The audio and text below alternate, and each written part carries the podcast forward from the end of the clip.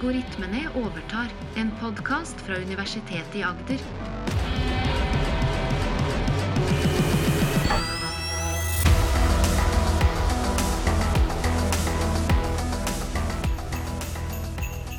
Dette er en julekalender spesial, hvor det bak hver luke skjuler seg en ny algoritme.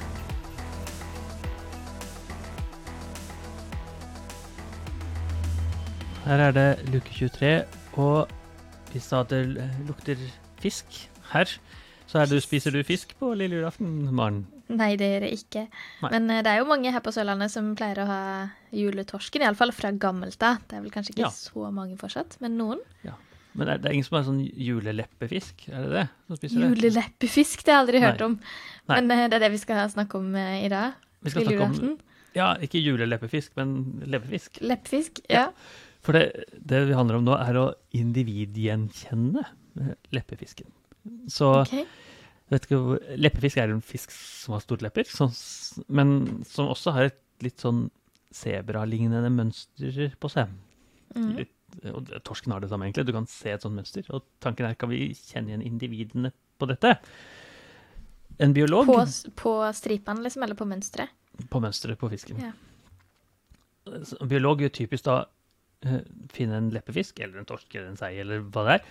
eh, operere inn en liten chip, eller tatovere inn fisken, eller torsken, eller eh, frosken, eller eh, anda, og så eh, slippe det ut igjen, og så hente tilbake dyret året etter. Mens hvis vi kan kjenne igjen individet, kjenne igjen fisken Per, kjenne igjen fisken Ole, så er det mye lettere eh, for fisken, som slipper da få denne operasjonen til. Mm. Og vi kjenner jo vi kjenner oss mennesker igjen hele tiden, men når, hver gang vi åpner eh, telefonen, så er det ansiktsgjenkjenning, eksempel. Så spørsmålet er hva dette så overføres kunstig intelligens kan kjenne igjen fisk. Mm. Det er tanken. Artikkelen heter A Contrastive Learning Approach for Individual Re-Identification of Wild Fish Population, altså gjenkjenne igjen, Mm. og skrevet av eh, mastergradsstudent eh, Ørjan Langøy Olsen, som er nå i industrien, sammen med Tonje Knutsen Sørdalen, Morten Gudvin, Kjetil Malde, Christian Muri Knausgård og Kim Tallaksen Halvorsen. Og dette er jo et prosjekt som er i samarbeid med senteret som jeg kommer fra, CARE, kunstig men også CCR, det er et senter for havforskning som er ved Universitetet i Agder, Coastal Research, og Top Research Center Mechatronics, altså det samarbeidet mellom tre av disse sentrene som er eh, på Universitetet i Agder. Mm. Og det er Ideen er kan vi ved hjelp av noe som heter kontrastlæring, som vi hadde på prostata for en liten stund siden, kan vi bruke den type teknikken til å kjenne igjen individer. Uh, Så denne vi, nye metoden dere hadde utvikla, egentlig? Ja. Uh, og bruke veldig, veldig lignende metode her, Mm. hvor vi da sender inn uh, Hvis vi sender et bilde av fisken Per, så sender vi inn et positivt eksempel av Per og et negativt eksempel av Per. Og hva betyr det? Jo, positivt eksempel betyr et bilde av Per fra en annen vinkel, eller noe sånt. Eller en annen tids, litt senere på tida, ikke sant. Jeg tar bilde av Per klokka eh, tolv, og så tar vi bilde av Per klokka seks på kvelden. Og så Mhm. et negativt eksempel er en annen fisk. Ja. Altså som ikke er den samme. Og da skal du da lære deg at det er mer og mer kontrast til den fisken som ikke er Per, Ole, og mindre og mindre kontrast til den fisken som er Per, selv om det er et annet bilde av den. Så som, uh, selv om det er tatt en annen tid på døgnet, eller Mm. da P svømte en annen retning, eller svømte venstre, ikke høyre, og, osv. Men hva er grunnen til at man ikke bare kan bruke vanlig ansiktsgjenkjenning som på mobilen? Så, og det er, det er faktisk den type teknikk som er i mobilen. Men grunnen til at man ikke kan bruke en sånn vanlig hermetegn kunstig intelligens til å gjøre det, er at hvis du skulle kategorisert alle 10 000 fisk du har i en mære, f.eks., Mm. eh, eller 1480 fisk som vi har i vår studie her, så må du, ha, må du kjenne igjen hver eneste fisk for hver eneste mulighet. Ja, så, du må gjøre sånn som, sånn som du gjør på mobilen, hvor du tar bilde av deg selv med forskjellige vinkler. Sånn måtte vi hatt med hver enkelt fisk. Ja. Og Ja. hvis man skulle tenke at man skulle kategorisert forskjellen på en katt og en hund og en hest og en sau, så er det bare Mm. fire u- utfall.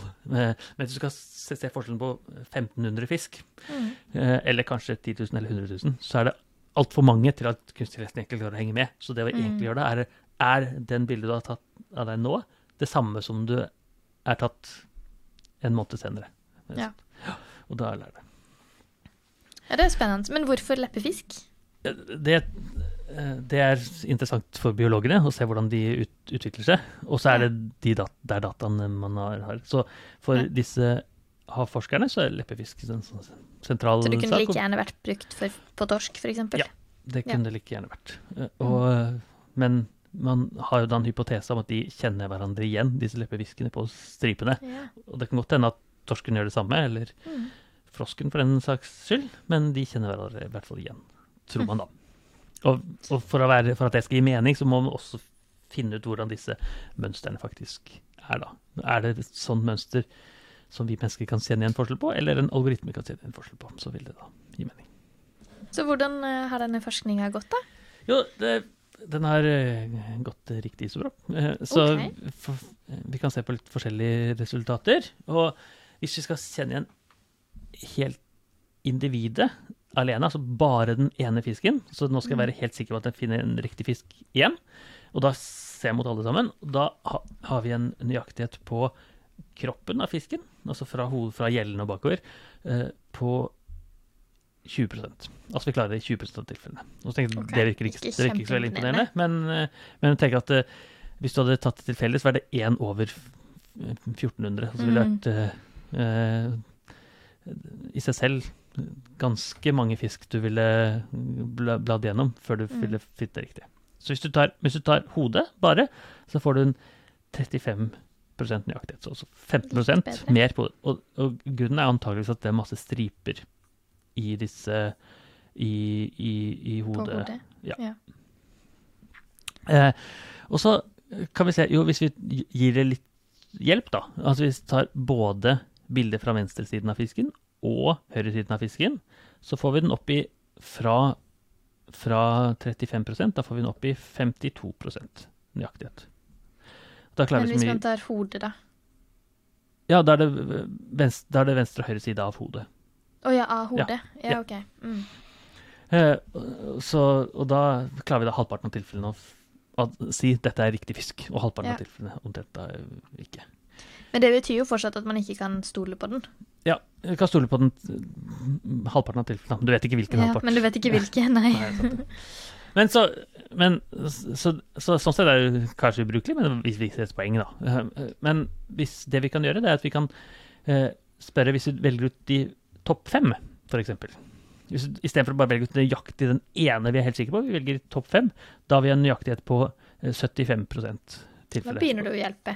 For da, det det betyr for biologene i, praksis, er at istedenfor at de ser gjennom nesten 1500 fisk, så ser de Mhm. gjennom fem fisk. Som er da en vesentlig reduksjon av, eh, av eh, prosesseringskraften til disse menneskene. Og vi, vi vis, og så ser vi da, jo hvor langt kan vi trekke det opp? Jo, hvis vi, hvis vi er på eh, noen og ti eh, fisk her, så er vi oppe i 90% nøyaktighet. Og hvis vi er på 150 fisk, så er vi nesten på 95% nøyaktighet. Eh, så det betyr at vi har jo da ti fisk ish, så har du en sånn 90% sannsynlighet på at du klarer å kjenne igjen den samme fisken igjen. Mens du må liksom opp i godt over 100 for å være så nøyaktig at den går liksom helt, helt av seg selv. Da. Så det er jo ikke en prosess som er eh, så god at den klarer uh, det helt alene, men den er så god at den vesentlig reduserer mengden tid biologene trenger på å se gjennom disse 1400 fiskene, som er et eksempel. Da. Men de må jo fortsatt se på de, for jeg tenker sånn som ehm, Tidligere så har de jo merka de. Uh, og det ville jo vært litt som å tatt bilde fra tre forskjellige Ja. vinkler, for Ja. Det ville jo vært mindre stress på fisken å bli tatt bilde av enn å, enn å bli merka, og det må den jo uansett. Men nå skal man liksom bare kjenne igjen Ja. Uavhengig av det. Man skal ta ett bilde, så skal man kjenne igjen fisken. For det man kan gjøre, er å få fisken til å svømme gjennom en, en sluse, hvor han kan Ja. veldig sånn liten sluse. Og, Mm. og i, i mære sånn, så gjør man det hele tiden, før man setter inn eh, eh, vaksiner og noen Ja. antibiotika og sånt i fisken. Og da får man da, får man veldig veldig god oversikt over fisken. Da kan man ta bilder, så mange bilder man vil og måle størrelsen osv.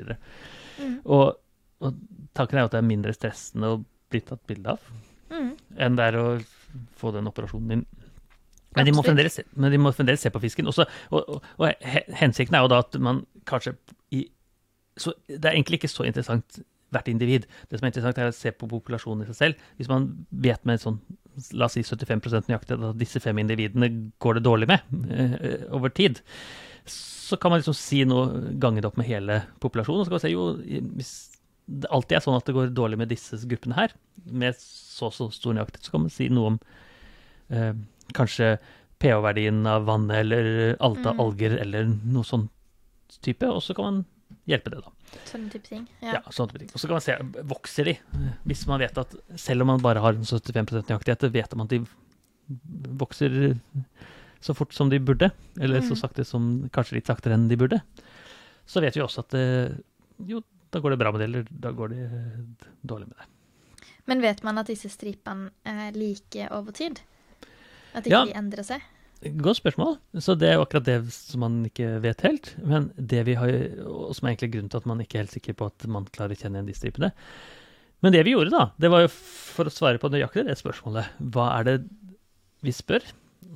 Hva er det kunstig intelligensen ser etter når vi gjør den type analyse? Og hvis, du ser, hvis er i, hvis man går inn i artikkelen, så kan man finne en, en eksempel hvor man ser gjenkjenning av fisk. Både det selve bildet av fisken og det, de positive eksemplene hvor man ser på. Og da kan man se at eh, da får man en visualisering. Da blir det egentlig rødt og blått der hvor kunstig intelligensen sier at den ser på. Blå betyr at den her kjenner jeg en fisken, og rød betyr at jeg kjenner ikke en fisken. Og da kan vi se hvil, hvor er det kunstig intelligensen faktisk titter. Og hvis den ser masse på bakgrunnen, f.eks., så er det dårlig.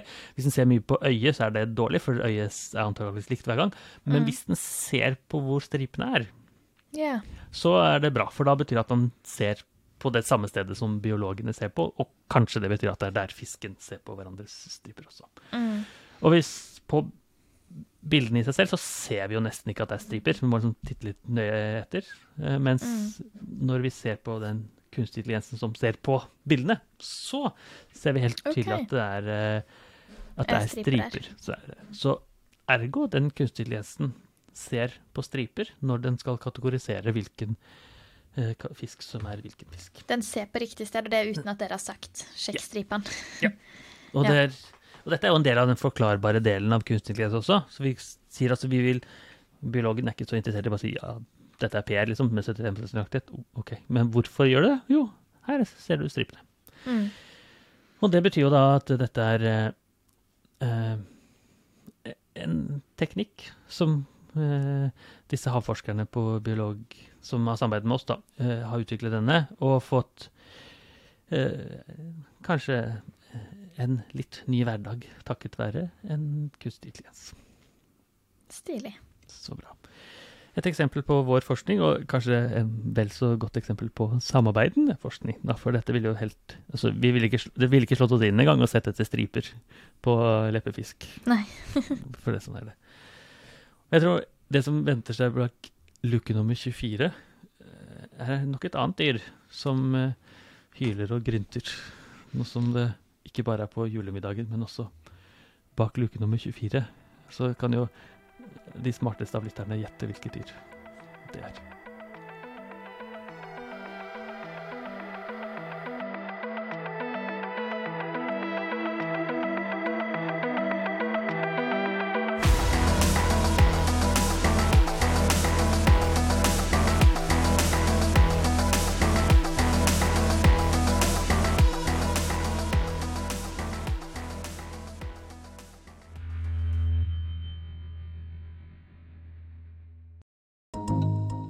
Universitetet i Agder.